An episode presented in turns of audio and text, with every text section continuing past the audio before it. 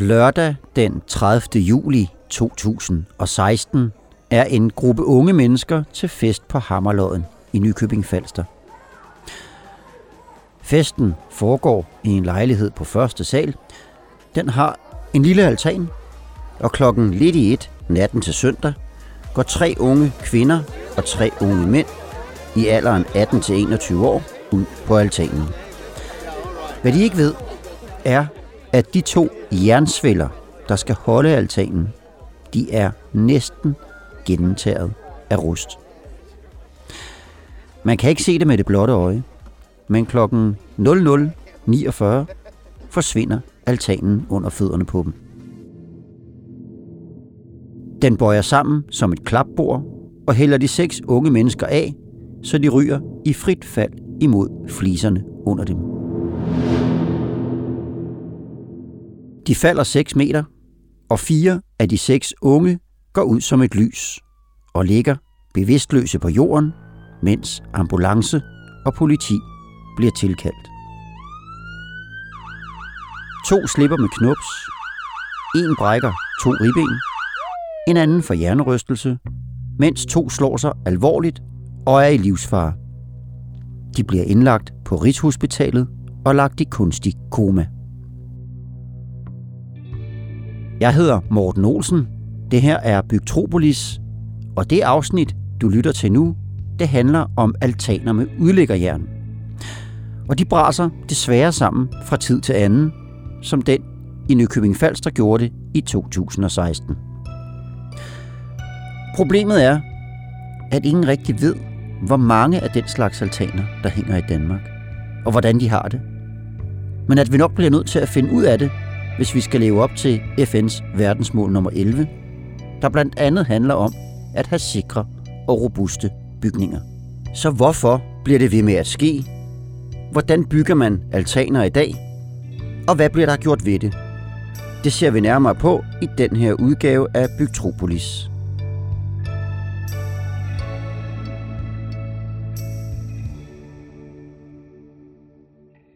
Som jeg sagde før, så kan man, skal man ikke undre sig over, at den falder ned, fordi der er ingen bæreevne tilbage i den af betydning. Øh, man skal undre sig over, at det ikke er sket før, og, og, og nu er de her altaner er jo også næsten 100 år gamle, men de har i mange, mange, mange år ikke haft den bæreevne, de skulle have. I dag ved vi alt om, hvorfor altanen bræste sammen. Og Jørgen Nielsen, der er adjungeret professor ved Aalborg Universitet, sidder med det håndgribelige bevis lige foran mig. En helt gentaget jerndrager, der skulle have holdt altanen, men altså ikke gjorde det. Når man kigger på det, der har været inde i, øh, i altanen, så er det tæret væk. Bortset fra underflanchen, der vil jeg gætte på, at cirka halvdelen er tilbage.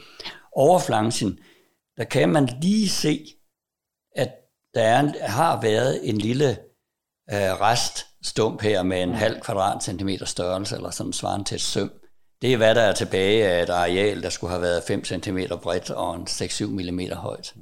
Jørgen Nielsen hører første gang om ulykken i medierne.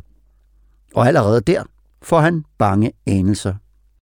Jamen, så tænker jeg, at, øh, at øh, det her er en af de der lumske tilfælde, hvor man øh, ikke får mange visuelle advarsler. Kort efter bliver det hans job at tage ned og undersøge, hvorfor altanen kollapsede. Det han ser, bekræfter hans bange anelser. På det tidspunkt hænger altanen stadigvæk op på væggen i underflancerne fra de der udlæggerjern, og, øh, og, øh, og vi kan ikke rigtig komme til den. Altså, den, den hænger jo øh, deroppe. Altanen, der er klappet ned som et campingbord, er en altan med udlæggerjern. Den er lavet på den måde, at man lægger nogle lange jerndrager ind gennem væggen, så de ligger under gulvet i lejligheden. Og så stikker de ud på ydersiden af muren, hvor man kan støbe eller lægge altanen ovenpå. Det vil sige, at jernsvælderne, der bærer det hele, ligger i tre forskellige miljøer. Et stykke af dem ligger inde under gulvet i bygningen. Der ligger de lunt og godt og bliver ikke udsat for noget. Et andet stykke hænger uden for væggen. Her er det udsat for vind og vejr, men man kan se det og holde øje med, hvordan det har det, og undersøge det for rust og alt muligt andet. Det sidste lille stykke, og det er også det vigtigste, det er det, der går igennem muren, som man ikke kan se. For inden i sådan en mur, der kan samle sig lidt fugt, der lige så stille begynder at æde udliggerhjernene. Og det er lige præcis det, der er sket, kan vi nu se på den stump jern, som Jørgen Nielsen har gemt fra ulykken i Nykøbing Falster. Jamen altså med de der, øh, øh, den halve kvadratcentimeter, der er tilbage, øh, der har den, øh, der har den øh, i sig selv øh, næppe kunne bære to personer, der har stået ude på altanen. En anden ting ved det er også, at når tæringen er forløbet så langt, som den er i det her tilfælde, så ændrer brudformen sig fra at være det, vi kalder plastisk. Altså sådan et profil som det her, når det bøjes, hvis det er nyt og intakt, så er det ligesom tyggegummi, altså så bliver det sådan sejt brud. Man kender det også fra et søm, man bøjer. Men øh, når det her sker, så er øh, så bliver det et adskillelsesbrud deroppe i toppen, hvor der næsten ikke er noget tilbage af profilet. Og når det adskillelsesbrud er væk, så er hele bøjningsbæreevnen stort set fjernet øjeblikkeligt. Og det vil sige, at man går fra at have et sejt brud, et varslet brud, til at man får et skørt brud, som er uvarslet og ikke giver nogen mulighed for flugt. Se, Jørgen Nielsen havde jo bange anelser om, at det lige præcis var det, der var sket.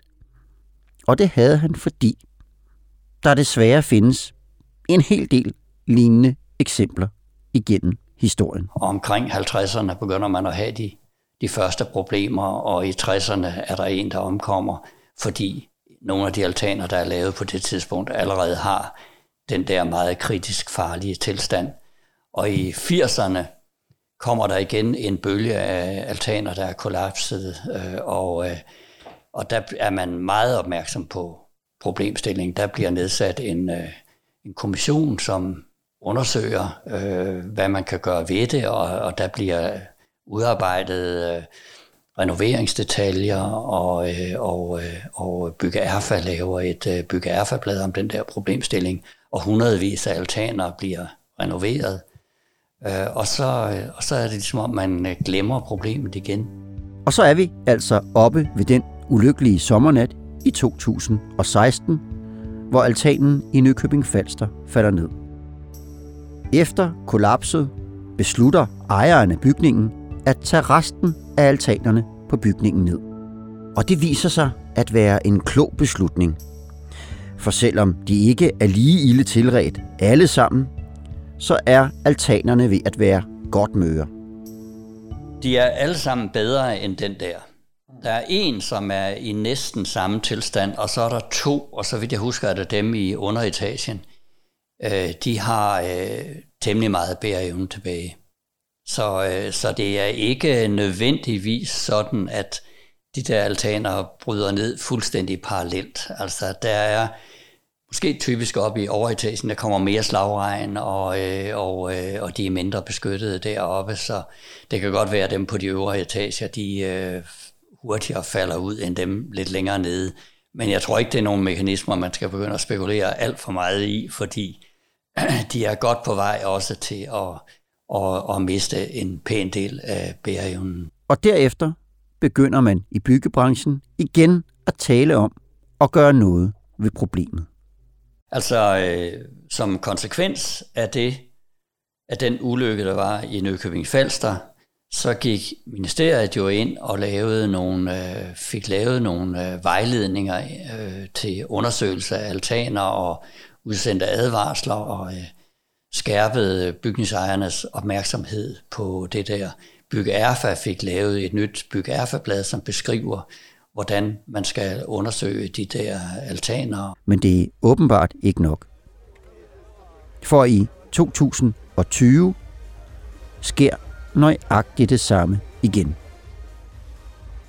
Dengang er det i Kolding, men ellers er situationen fuldstændig den samme. Fem unge mennesker til fest en sommeraften går ud på en altan for at sludre og trække frisk luft, da altanen klapper ned som bagsmækken på en ladvogn og hælder de unge af.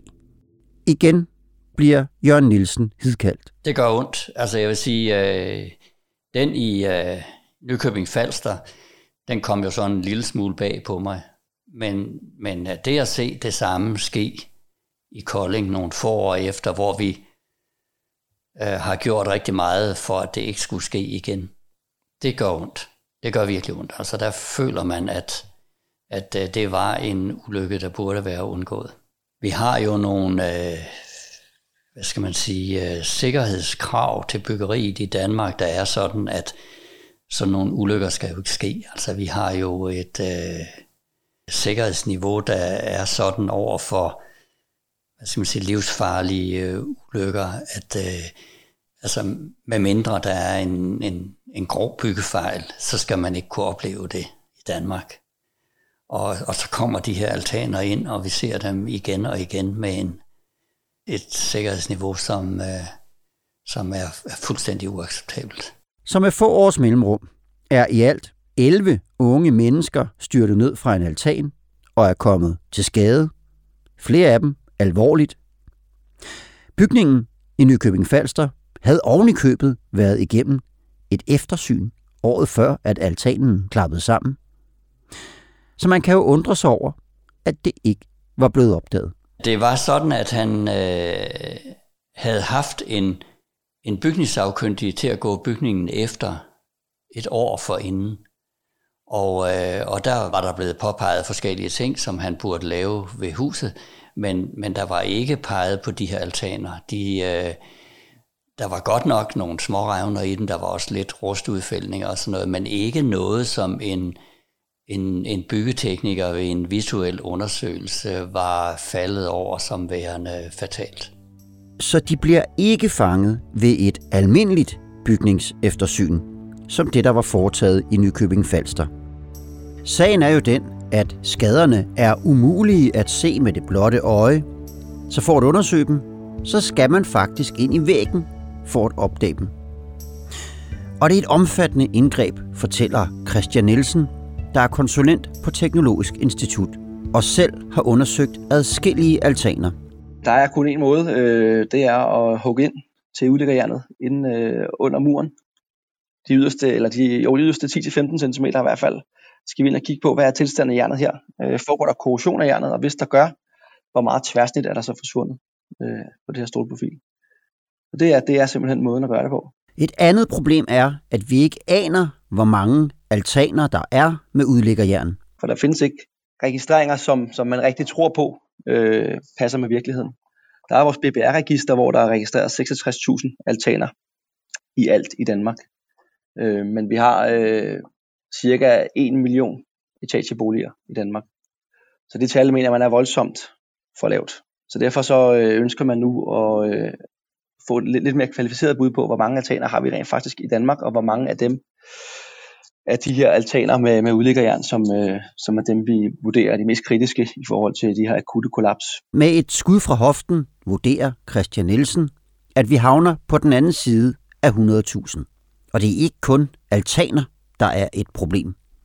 Mange svalegange og kanapper er bygget med samme metode. Og selvom de ikke er lige så udsatte, så kan man i princippet godt forestille sig en stribe kanapper falde til jorden, hvis udliggerjernene svigter. I princippet ja, det kan du. Der findes også systemer, som er bygget så uhensigtsmæssigt, at det er den nederste kanap, der, der bærer hele systemet op efter. Og hvis du har øh, voldsom tæring dernede, så, øh, så er det klart, så har du risiko for øh, et meget, meget alvorligt kollaps. Dog vil jeg sige, at risikoen for, at der foregår alvorlig tæring dernede, er lavere, fordi du er øh, inde i lejligheden jo, øh, i varmt miljø, øh, tørt miljø, ikke? Så, øh, så det er ikke helt at sammenligne med, med en udkravet øh, altan med udlæggerjern. Det er det trods alt ikke. Så der er rigtig meget at tage fat på, og det koster penge. Hvis det er en altan, vi skal undersøge, øh, så vil det koste ude hos os et sted imellem, afhængig efter hvor, hvor det er i landet også, et sted mellem 10 og 20.000 kroner. Og det er uden reparation. Derfor er Teknologisk Institut i gang med en undersøgelse. De vil for det første undersøge, hvor mange altaner der er med udlæggerjern. Og for det andet, så vil de undersøge, om man kan lave en såkaldt kaskademodel, der kort fortalt går ud på at lave stikprøver på bygninger med altaner. Så man ud fra stikprøverne kan lave en vurdering af alle bygningens altaner. På den måde kan man slippe for at bryde rigtig mange altaner op. Selvom vi har meget praktisk viden på området, så er det jo meget, meget sjældent, at vi går ud på en ejendom med 124 altaner og får lov til at hugge dem alle sammen op. Det får vi faktisk aldrig lov til. Dels er der noget økonomi i det, der er også noget praktisk øh, i det. Der skal adgang. Vi skal have adgang til samtlige altaner lige pludselig i en ejendom, og samtlige beboere skal adviseres. Samtlige altaner skal der efterfølgende udføres reparationer på, øh, hvilket også koster penge, koster tid. Så den her problematik er man nødt til simpelthen at øh, ja, restaurere og tage i regning også. Øh, det skal være, det skal være praktisk muligt også. Og hvis man holder sig til kaskademodellen, så vil vi meget hurtigere være igennem alle altaner. For Christian Nielsen frygter, at hvis det tager alt for lang tid, så er der måske altaner, der styrter ned, mens de hænger og venter på, at det bliver deres tid til et tjek.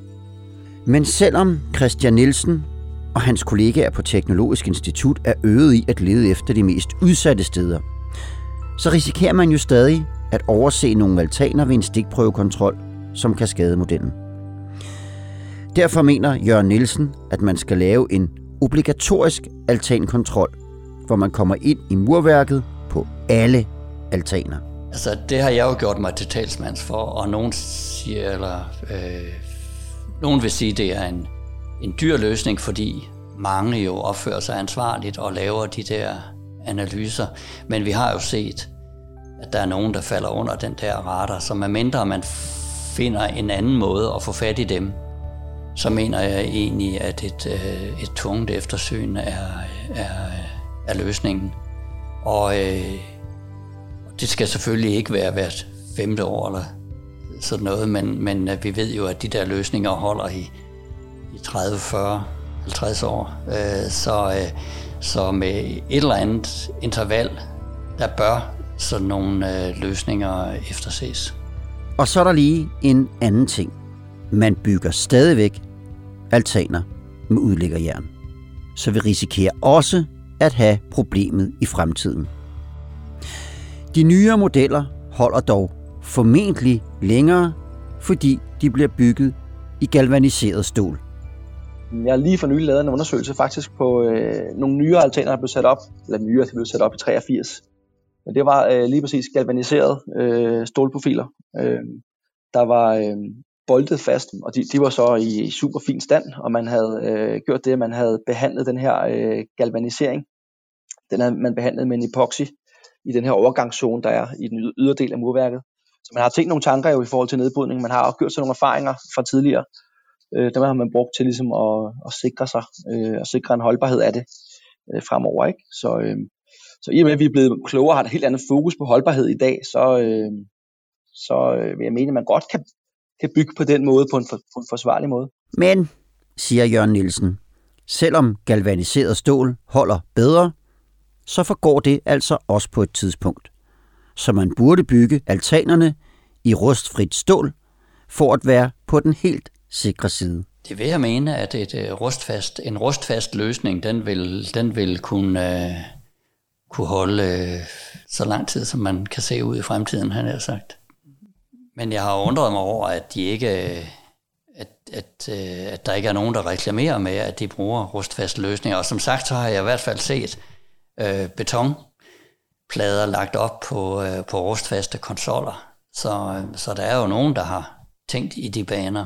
På Christiansborg er de også opmærksomme på de to altanstyrt. Og derfor er Bolig- og Planstyrelsen ved at udarbejde en rapport, der skal være et oplæg til en politisk beslutning om altaner. Rapporten skal se nærmere på, hvordan man kan føre bedre tilsyn med altanerne. Man skal blandt andet se på nogle af de ting, vi har hørt om her. Hvor gammel skal en altan være, før den skal tjekkes? Hvor omfattende skal et tilsyn være? Hvor meget må en ordning koste? Hvilke kompetencer skal de, der udfører tilsyn, have? Og det er en rapport, der skulle lande i politikernes inbox, før de går på sommerferie. Så efter to tragiske altankollaps på fem år, så er der en del tiltag i gang, så vi forhåbentlig undgår altanulykker i fremtiden. Og Jørgen Nielsen håber bare, at ulykkerne ikke går i glemmebogen igen, som de gjorde tidligere. Man, man kan jo ikke love, at ting ikke går i glemmebogen igen. Altså, jeg har, jeg har levet to år i Costa Rica, og hvor jeg skulle hjælpe med at udvikle socialt boligbyggeri.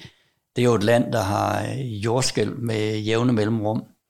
Og de der jordskæld, de er jo, de er jo i den grad livsfarlige.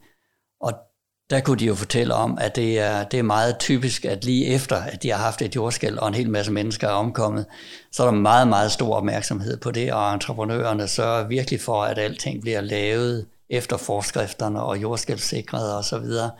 Men ganske hurtigt går det i glemmebogen, og, det, øh, og, og, og så bliver der slækket på det igen, og, og, øh, og, og nogen er, bliver uforsigtige, og de siger, at det er, det er sådan et mønster, der gentager sig igen og igen. Øh, jeg håber, vi er klogere her i landet, men øh, det er svært at love.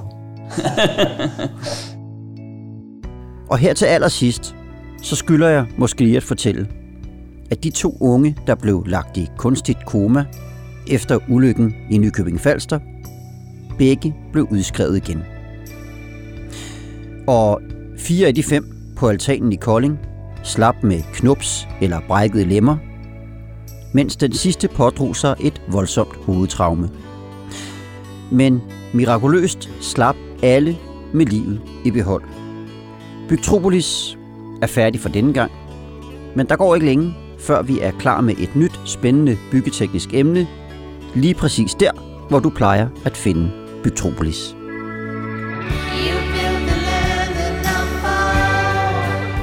Podcasten Bygtropolis er produceret af Morten Olsen og Munk Studios i samarbejde med Bark Rådgivning og med støtte fra Lokale- og Anlægsfonden og Grundejernes Investeringsfond.